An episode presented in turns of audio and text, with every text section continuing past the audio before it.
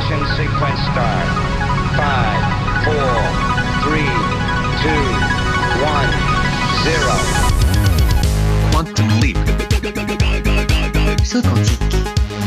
Salto quântico. Salto quântico. Salto. Quantum quantico. Salto quantico. Salto quantico. Kvantum, det du inte visste att du ville veta. Året är 2001 i början av juli. En sexårig amerikansk pojke avlider av en skallskada under en MRT-undersökning.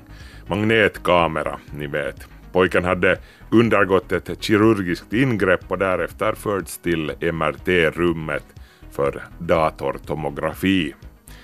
Där, medan han låg på britsen i magnetkameran, kom en eldsläckare flygande och träffade honom i huvudet med dödlig utgång. Regel nummer ett med magnettomografi är att du inte under några som helst omständigheter ska lämna metallföremål liggande i rummet där själva kameran finns. För då strömmen slås på kommer de föremålen att förvandlas till projektiler som dras till kamerans starka magnetfält. Men det hade någon hur som helst gjort den här gången, med dödlig utgång. Jag frågade en gång av professor Raimo Sepponen på Aalto-universitetet om det här. Vad skulle hända om jag öppnade dörren till rummet där magnetkameran finns medan den är igång och vandrade in med en hammare i handen till exempel? Hammaren skulle slitas ur din hand och flyga iväg mot magneten och innan den skulle hinna färdas de cirka tre metrarna från dörren till kameran så skulle den ha brutit ljudvallen, sade professor Raimo Sepponen. Markus Rosenlund heter jag och du lyssnar på Kvanthopp som den här gången handlar om magnetism och magneter. Vardagens små trolleripjäser som utsöndrar osynliga kraftfält. Hur fungerar de? Vad skulle hända om jordens magnetiska poler skulle byta plats? Det kommer att hända nämligen förr eller senare. Vad är den sydatlantiska anomalin som stör satelliterna när de flyger över området? Det här och mycket mer i den här sändningen som handlar om allt du inte visste att du ville veta om magnetism.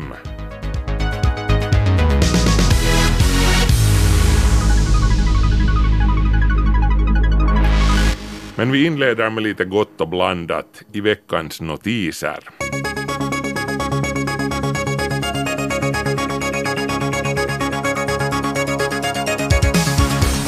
Håller Betelgeuse på att explodera? Eller har den redan gjort det?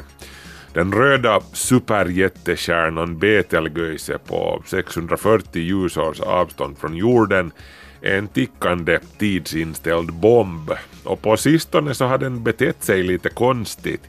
Dess ljusstyrka har avtagit snabbt och oförklarligt och tidigare i veckan registrerade LIGO-observatoriet i USA ett kort utbrott av gravitationsvågor från Betelgeuses riktning. Det här har fått många att tänka att nå, nu smäller det snart. Tja, no, för det första så, också om det skulle smälla, så är Betelgeuse inte tillräckligt nära oss för att utgöra någon riktig fara. Det mesta av explosionens kraft skulle riktas bortåt från oss dessutom. Men en häftig ljusshow, det skulle vi få. Supernovan skulle lysa starkare än fullmånen i några månader och synas mitt på dagen. Men nu är det knappast det här som är på gång, menar experterna. För det första, gravitationsvågorna kommer inte exakt från Betelgeuses håll. Källan ligger lite åt sidan och mycket längre bort än Betelgeuse. Ingen skur av neutriner har heller registrerats. En sådan skulle höra till en supernova. Dessutom, vi skulle ha sett supernovan med våra egna ögon vid det här laget om den hade exploderat. Betelgeuse är fortfarande där i allra högsta grad. Hade den exploderat så skulle chockvågen ha passerat några timmar efter gravitationsvågorna men ingen sådan har synts till. Betelgeuse lyser fortfarande precis som förr med ungefär 9000 solars styrka. Så vi får nog vänta ett tag till, men det kan ske snart, säger astronomerna, vilket på deras språk betyder inom de närmaste hundratusen åren eller så. Den här veckan har vi fått goda och dåliga nyheter om klimatet. De dåliga är den samma gamla storyn. Meteorologiska världsorganisationen WMO meddelade om de senaste siffrorna som visar att fjolåret var det näst varmaste året i mätningarnas historia. 2019 överträffas bara av 2016 då en stark El Niño rådde.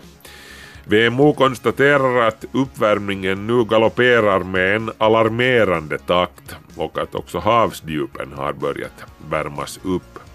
Med nuvarande utsläppstakt går vi mot en uppvärmning på 3–5 grader Celsius innan seklet är slut. Den goda nyheten för den här veckan är att åtminstone i Europa minskade användningen av kol dramatiskt under 2019. Tyskland använde till exempel hela 33 procent mindre stenkol jämfört med året innan. Flera orsaker bidrar till att kolet alltmer trängs ut. Dels har fossil gas blivit mycket billigare, dels byggs allt mer billiga förnybara energikällor som utnyttjar vind och sol. Enligt en rapport från tankesmedjan Carbon Tracker går 79 procent av alla kolkraftverk i EU idag med förlust. Till sist en prylnyhet. Ni som mot förmodan ännu äger och använder en Windows-telefon kan nu officiellt se er i månen efter uppdateringar och stöd från Microsoft. Den amerikanska mjukvarujätten har nu officiellt avslutat allt stöd till Windows 10 Mobile. Det här betyder ju inte att telefonen slutar fungera mitt i allt, men Microsoft gör inga fler säkerhetsuppdateringar så du surfar på egen risk. Vissa favoritappar slutar också att fungera, som WhatsApp till exempel. Så det blir till att göra som Nokia gjorde, gå över till Android eller iOS om du föredrar det. Kom ihåg att ladda ner dina bilder och filer till datorn så fort du kan. Också det här upphör att fungera senare i vår.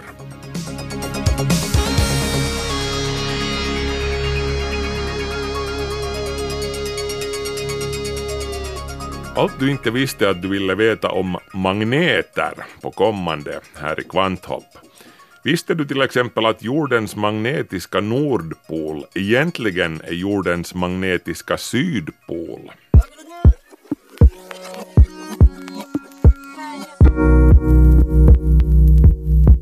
Då jag var en liten grabb var jag oändligt fascinerad av magneter. De var rena rama magin för en sjuåring. Hur kunde de där spikarna veta att det fanns en stark magnet under bordet i min hand och så rörde de på sig på, på bordskivan när jag rörde på magneten. Hur, hur gick det till? Och vilken var den där kraften som magneten utövade på spikarna genom en solid träskiva? Varför påverkade den inte saker som var gjorda av plast till exempel, eller trä?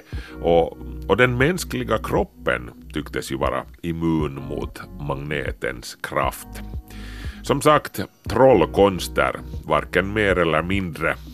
Eller som The Force i Stjärnornas krig. Use the force, Luke.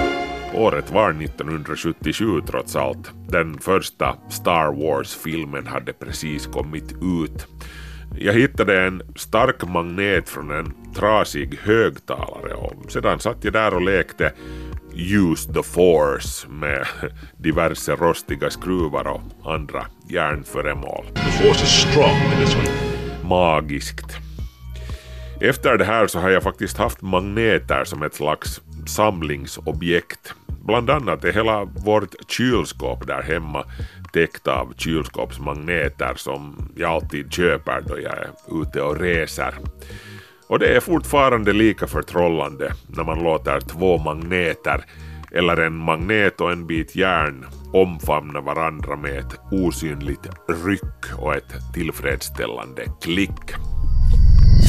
Nå, idag som 50-åring vet jag lite mera om hur de här sakerna funkar. Jag vet att det inte är magi, men det är nog så fascinerande fortfarande. Så här går det alltså till. All materia består av atomer. Varje atom har elektroner i sitt skal, partiklar som bär på en elektrisk laddning. Elektronerna spinner runt sin egen axel medan de svischar omkring atomkärnan och genom att göra det skapar de en pytteliten elektrisk ström och i praktiken blir varje elektron till en mikroskopisk magnet.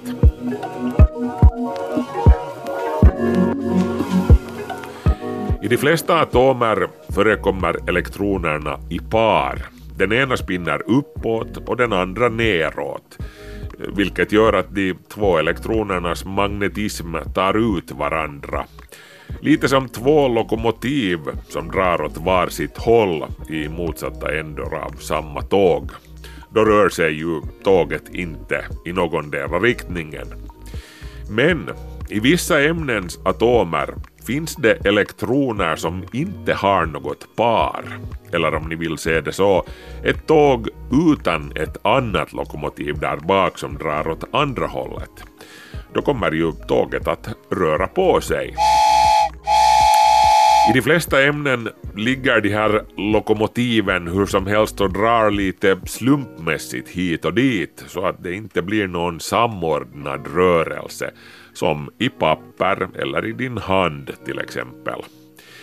Vissa ämnen är däremot ferromagnetiska som järn, kobolt och nickel. Ferromagnetism betyder i praktiken att de har en elektron utan par i sitt yttersta elektronskal.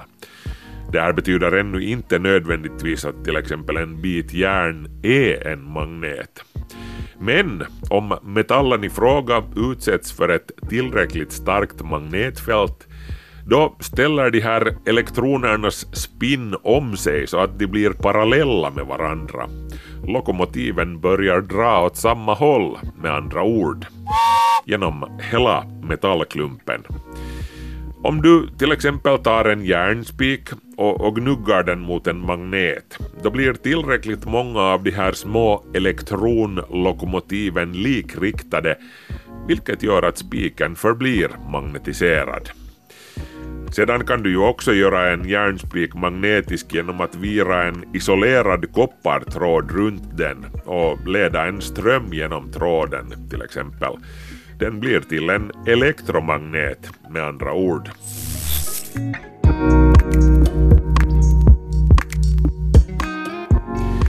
Men hur som helst så finns magnetism överallt där det finns elektroner. Magnetismen genomsyrar alltså universum, från det allra minsta till det allra största, från den enskilda cellen i din kropp till de mäktiga stråk som knyter samman galaxgruppernas spindelvävsliknande strukturer på den allra största skalan som vi överhuvudtaget känner till med andra ord. Och just beträffande det här sistnämnda, som vi egentligen har blivit varse om först under de senaste åren, är vi fortfarande i samma stadium av magiska förundran som jag var då jag lekte med magneter där hemma som barn. Vi vet helt enkelt inte vad det är som alstrar de här enorma magnetfälten som kan sträcka sig över miljontals ljusår mellan galaxerna och galaxgrupperna.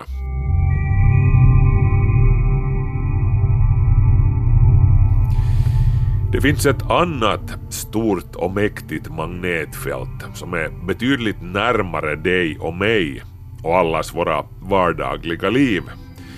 Jag talar naturligtvis om det magnetfält som föds djupt där nere under våra fötter, i jordens hjärta. Vi ska vara tacksamma för att vår hemplanet har ett så starkt och aktivt magnetfält. Vi skulle bokstavligen inte finnas här utan det. Livet skulle knappast någonsin ha kommit åt att utvecklas på jorden utan ett magnetfält som skyddar det från solvindens partikelbombardemang. Med bara vår tunna atmosfär ovanför våra huvuden skulle vi snart vara väldigt illa ute. Mars, vår granne, har till exempel inget regelrätt globalt magnetfält och det, i kombination med planetens svaga gravitation, har bland annat lett till att själva planetens atmosfär helt enkelt har blåsts bort av solvinden.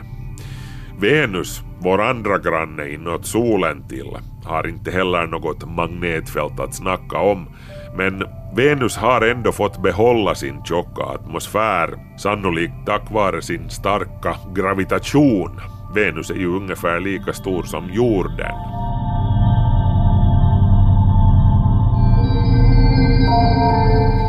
Jorden ja, den är en helt annan story. Vår hemplanet har ett robust och aktivt magnetfält. Det alstras djupt nere under våra fötter, i jordens flytande yttre kärna. Den yttre kärnan är i praktiken ett cirka 2400 kilometer tjockt lager av smält järn och nickel, till största delen åtminstone, som ligger mellan den solida inre kärnan och den så kallade manteln som jordskorpan i sin tur flyter på.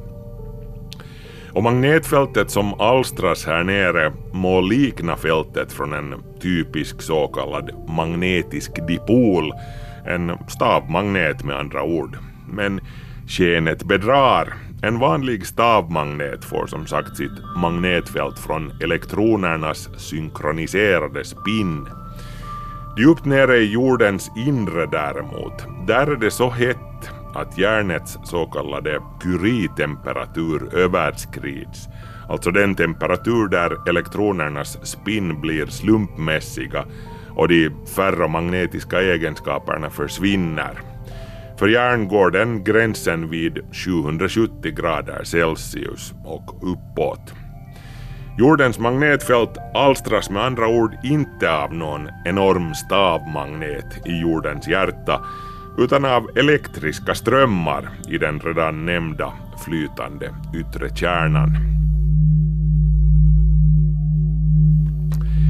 Tack vare den här dynamon där nere djupt under våra fötter omges jorden av en sorts bubbla som vi kallar magnetosfären, flera gånger jordens diameter i storlek. Tiotusentals kilometer ut i rymden sträcker den sig. På grund av det ständiga plasmabombardemanget från solen är magnetosfären hoptryckt på dagsidan, alltså den sida som vetter mot solen, och utdragen som en lång svans på nattsidan. Det beror lite på hur stark solvinden är vid ett givet tillfälle. Seglet bångnar desto mer ju hårdare det blåser, liksom.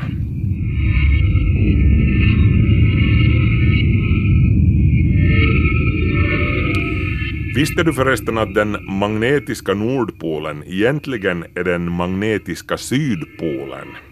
Den norra ändan av kompassnålen dras ju mot den. Skulle den vara den magnetiska nordpolen så skulle kompassnålens södra ända peka mot den och vice versa. Men i vardagligt tal så hänvisar vi i alla fall till den som den magnetiska nordpolen. Och den ligger just nu i norra Kanada, nordväst om Grönland, och den rör på sig i riktning mot Sibirien med dryga 50 kilometer om året. Rörelsen har faktiskt börjat accelerera kraftigt under de senaste åren. Samtidigt har den magnetiska sydpolen knappt rört på sig alls. Ingen vet riktigt vad det här beror på. Det finns antaganden om att det kan bero på snabbt stigande strömmar av flytande järn i den yttre kärnan djupt nere under norra Kanada som får magnetfältet att försvagas just där så att polen rusar iväg mot Sibirien. Vladimir Putin gnuggar ju säkert förnöjt sina händer hur som helst.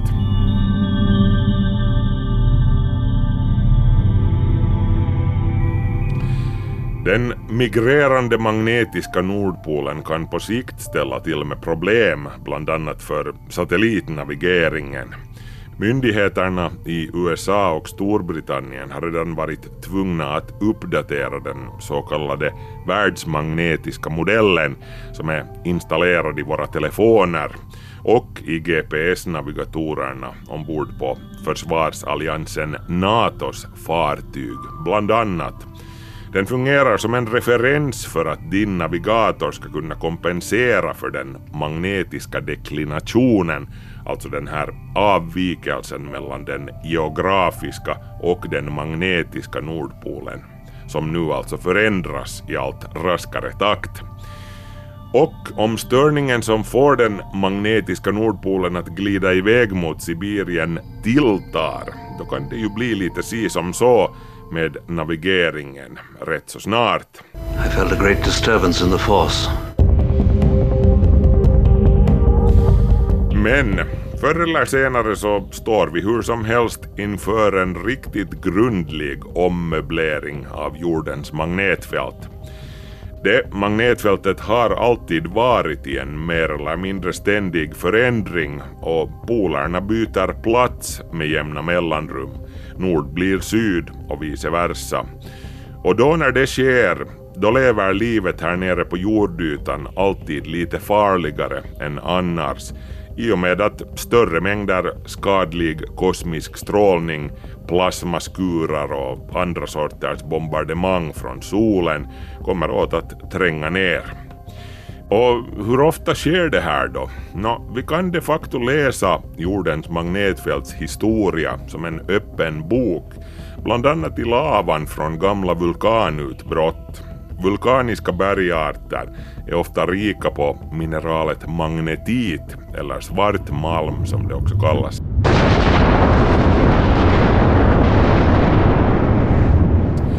När magman från vulkaner stelnar ställer magnetitpartiklarna in sig efter jordens magnetfält. Vet vi ungefär när vulkanen har haft utbrott så kan vi se på lavan hur magnetfältet låg just då och vilken styrka det hade. Samma spår kan också avläsas i havsbottnens sediment. Till exempel så finns det bakterier som använder magnetism som djupmätare när de orienterar sig i havsdjupen. De har bokstavligen inbyggda kompasser i form av magnetitkristaller som är ordnade som en stavmagnet. När bakterierna dör så sjunker de ner till bottnen där de lägger sig i magnetfältets riktning och sedimenteras, alltså läggs på hög och förstenas.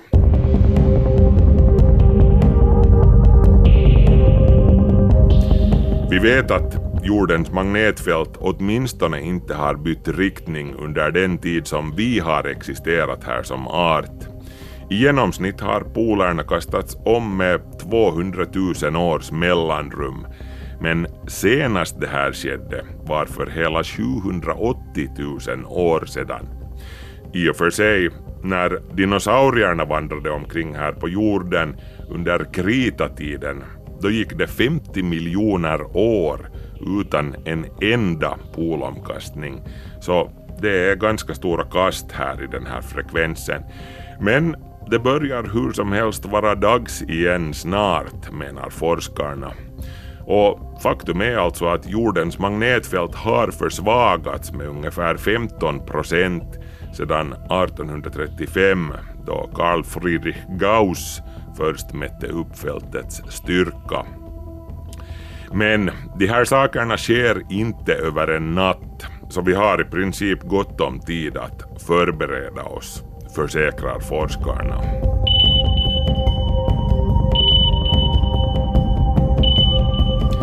Ett område som vi behöver se över i god tid är som sagt satellitnavigeringen. Redan nu finns det ojämnheter i jordens magnetfält, framförallt över södra Atlanten. Det här området kallas för den sydatlantiska magnetiska anomalin. Och hur kommer det då sig att den anomalin, eller avvikelsen, finns där då?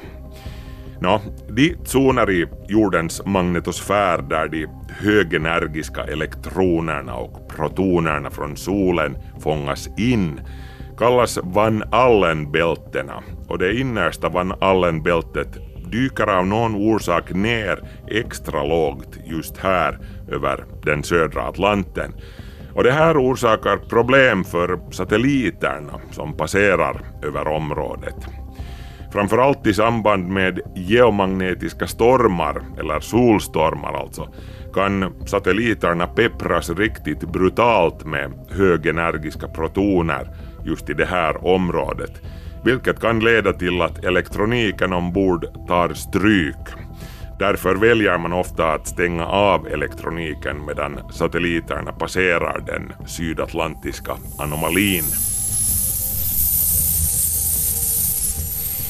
Den här magnetiska skärselden är för övrigt inte någonting unikt för just jorden.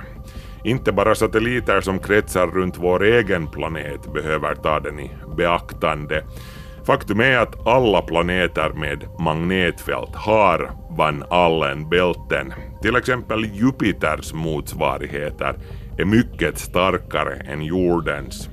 Och det här är någonting som till exempel NASA måste ta i beaktande när de rustar upp rymdsonder avsedda för Jupiter och dess månar. Sonderna behöver härdas ordentligt för att inte brännas ut i partikelbombardemanget. Nå, här på Tellus finns det ju sensationshungriga rubrikmakare som hävdar att den sydatlantiska magnetiska anomalin är början på en nära förestående omkastning av jordens magnetiska poler, kanske redan under vår livstid. Och med tanke på att den nordliga magnetiska polen samtidigt är på ett allt snabbare glid mot Sibirien så är det kanske lätt att dra oroväckande slutsatser. Men lugna puckar bara.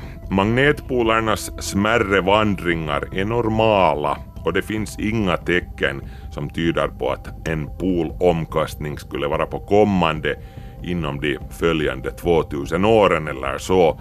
Så här säger Bradley Singer, professor i geovetenskap vid University of Wisconsin i en intervju för Space.com. Dessutom så har det ju hänt förr att polarna har varit i färd med att kasta om sig men kullerbyttan har kommit av sig mitt i allt.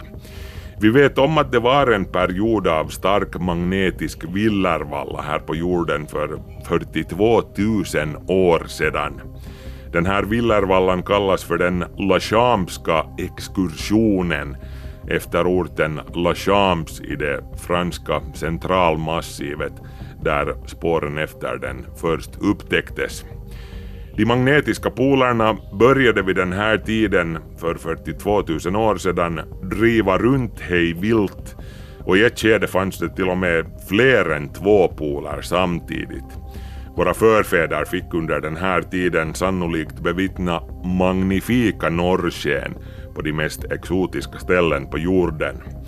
Kalabaliken pågick i några tusen år men någon total polomkastning skedde aldrig. Allting gick helt enkelt bara tillbaka till det normala till slut. Men nu råkar det ju vara ett faktum att den här magnetiska villervallan för 42 000 år sedan, den Lachamska exkursionen, överlappar med tiden då neandertalmänniskan dog ut.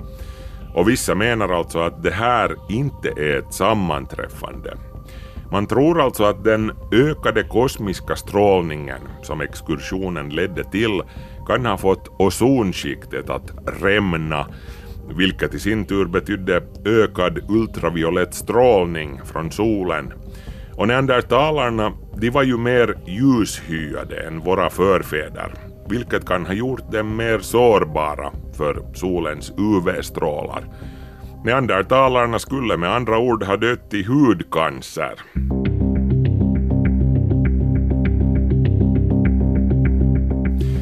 Nå, några bevis för att det skulle ha gått till så här när neandertalmänniskan försvann existerar hur som helst inte. Och de flesta forskarna är överens om att det är en kittlande tanke det här med de magnetiska polernas roddande och neandertalarnas försvinnande, eh, men knappast desto mer.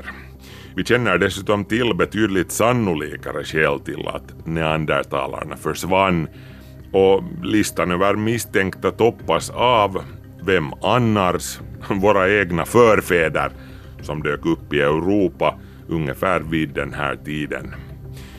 Det här med neandertalarnas försvinnande och den magnetiska kalabaliken i La Champs är för övrigt långt ifrån den enda mer eller mindre fantasifulla hypotesen som involverar påstådda polomkastningar och deras katastrofala följder. Allt från Atlantis undergång till Moses delande av Röda havet har länkats med polomkastningar. Webben svämmar också över av diverse domedagsprofetior om en nära förestående polomkastning och dess kataklysmiska följder och den ena eller den andra gudomens återkomst till jorden. Samtliga av dessa kan avfärdas med en klackspark. Därmed inte sagt att den Lachamska exkursionen för 42 000 år sedan inte hade sina följder för livet på jorden. Till exempel flyttfåglarna som navigerar med hjälp av jordens magnetfält var troligtvis lite virriga, åtminstone till en början. Men de fann sig sannolikt ganska fort, tror experterna. Fåglarna navigerar ju inte uteslutande med hjälp av magnetismen. De använder sig också av solen, stjärnorna och olika landmärken. Dessutom så finns det forskning som har visat att fåglarna kan kalibrera inom citat sin magnetkompass genom att registrera hur solljuset är polariserat. Det jordiska livet är allt som allt ganska väl rustat för de utmaningar som polomkastningarna ställer till med. För det har ju hänt otaliga gånger och livet har alltid gått vidare.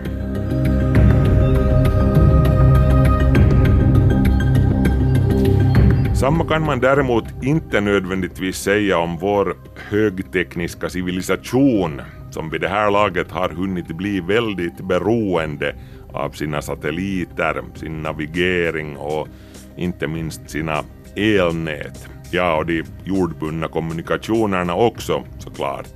Internet, radio, TV, allt det där.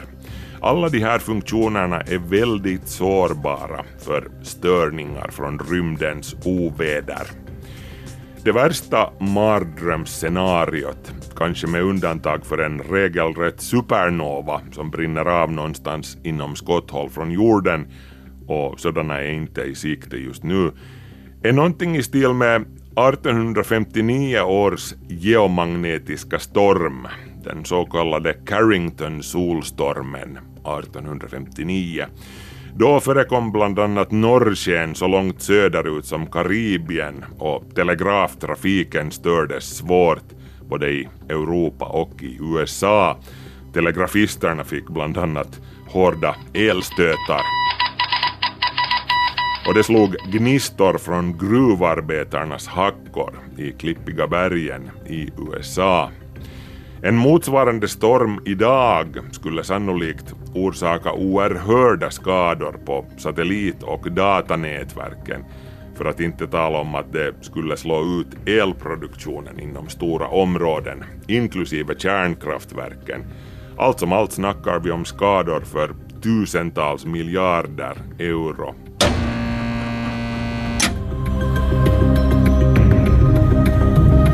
–1972 mitt under Vietnamkriget fick världen ett skrämskott av lite liknande art. Då hände det sig bland annat att ett tiotal havsminor utanför den nordvietnamesiska kusten exploderade så gott som samtidigt och till synes av sig själva. Redan vid tiden då det här skedde så gissade man inom den amerikanska flottan att incidenten hade en koppling till solens aktivitet. 2018 kunde forskare från universitetet i Colorado bekräfta det här. Forskarna noterar att samtidigt som minorna exploderade upplevde man svåra störningar inom eldistributionen i Nordamerika. De menar också att 1972 års skräll inte var alltför långt från Carrington-solstormens kaliber. Det är hur som helst värt att notera att varken Carrington-stormen 1859 eller 1972 års storm ägde rum under en period av försvagat magnetfält här på jorden. Vår civilisation var inte heller ännu vid den här tiden så till tänderna rustad med superkänsliga digitala datanät och annan oumbärlig elektronik. Skulle en motsvarande smocka från solen träffa jorden då magnetfältet är försvagat eller delvis satt ur spel på grund av en polomkastning eller en Lachamps-exkursion, eh, då skulle fan verkligen ta bofinken så att säga.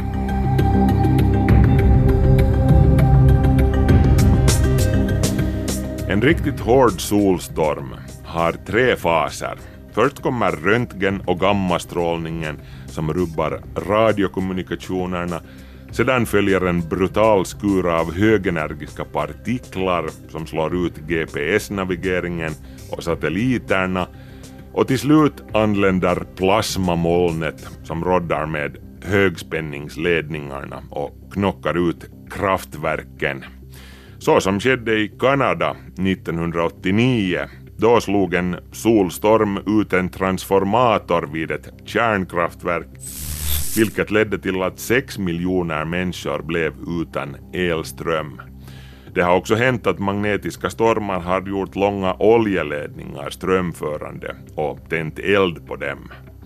Den som är intresserad av rymdvädret kan ju till exempel bokmärka sajten spaceweather.com där finns allsköns intressant info om coronamassutkastningar och solfläckar och proton och neutronflöden, jordens och solens magnetfält etc. etc.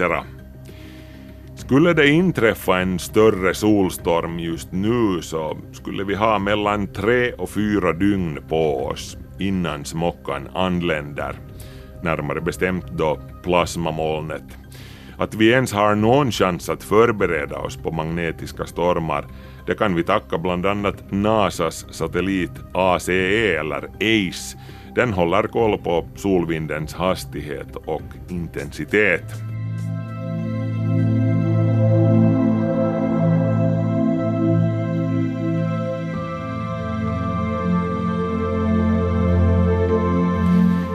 Jordens magnetfält och magnetosfären skyddar oss inte bara från solens smockor. Det bjuder också på den häftiga ljusshowen känd som norrsken eller polarsken.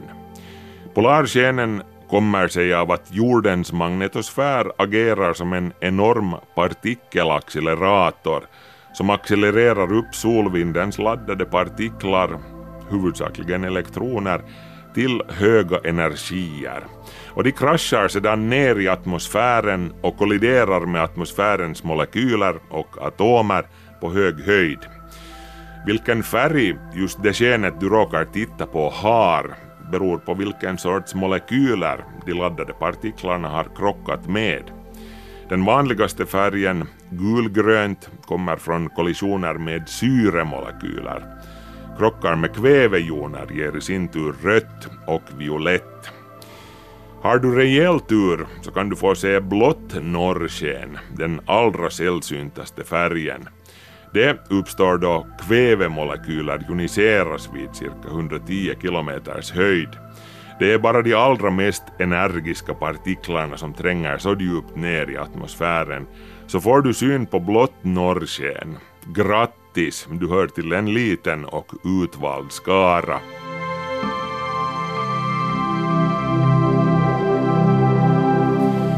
Ännu mer exklusiv kan du känna dig om du hör till dem som kan svära på att de har hört ljudet som norrskenen producerar. Renskötare har i århundraden kunnat svära vid att de har hört ett lågt brummande ovanifrån under norrskens klara nätter.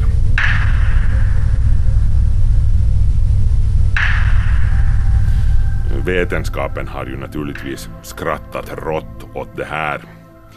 För ett antal år sedan intervjuade jag professor Unto Laine, numera pensionerad professor vid Aalto-universitetet i Esbo. Han basade då för skolans akustiklaboratorium där. Det var under våren år 2000 som Laine första gången gav sig iväg till Lappland beväpnad med den känsligaste mikrofonteknik som existerade då för att undersöka den gamla skrönan om att norrsken har ljud. Laine drog ut i den lappländska ödemarken, så långt ifrån mänsklig bebyggelse och flygplanens rutter som han kunde komma. Där riggade han upp sin supersensitiva mikrofon och satte sig ner och väntade på norrsken. Laine spelade upp snuttar från sin inspelning för mig den gången. Största delen är bara tystnad, men det finns stunder då någonting hörs.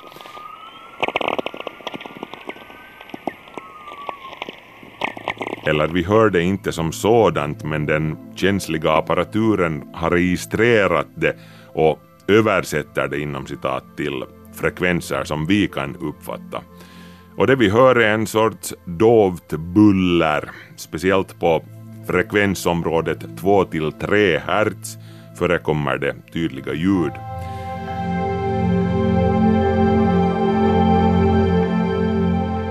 Nå men hur kan vi vara säkra på att ljuden härstammar från just norrskenen då?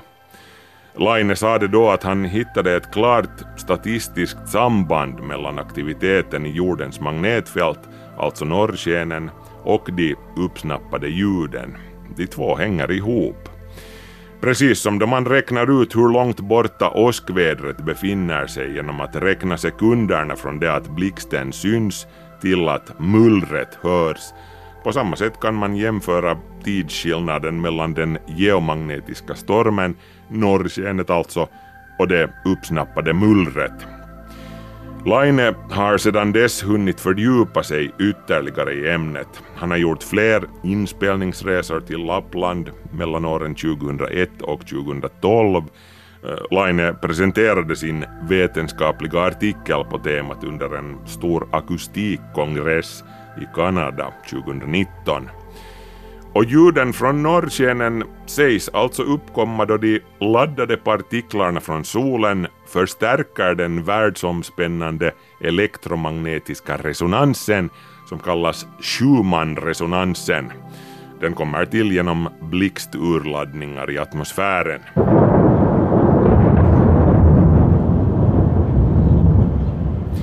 Då högtryck råder och luftens olika skikt ligger väldigt stilla så kan alltså Schumann-resonansen utlösa coronautbrott, det här som sjöfararna kallar för elmseldar i det så kallade inversionsskiktet mellan 70 och 80 meter ovanför jordytan.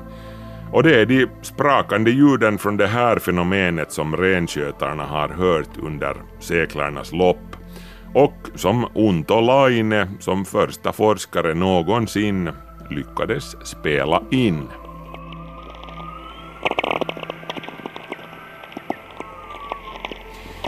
Hur som helst, dags att avrunda det här snacket. Länge leve magnetismen, eller hur? Du och jag skulle inte finnas här utan den. Magnetismen skyddar oss från solens raseriutbrott. Den ger oss kompasser, elmotorer, generatorer, eh, datorer och tja, kylskåpsmagneter. Apropå det, har ni några kylskåpsmagneter som ni vill bli av med så kasta inte bort dem. Sänd dem till mig, postbox 12 00024 YLE. Ja, jag samlar alltså på dem.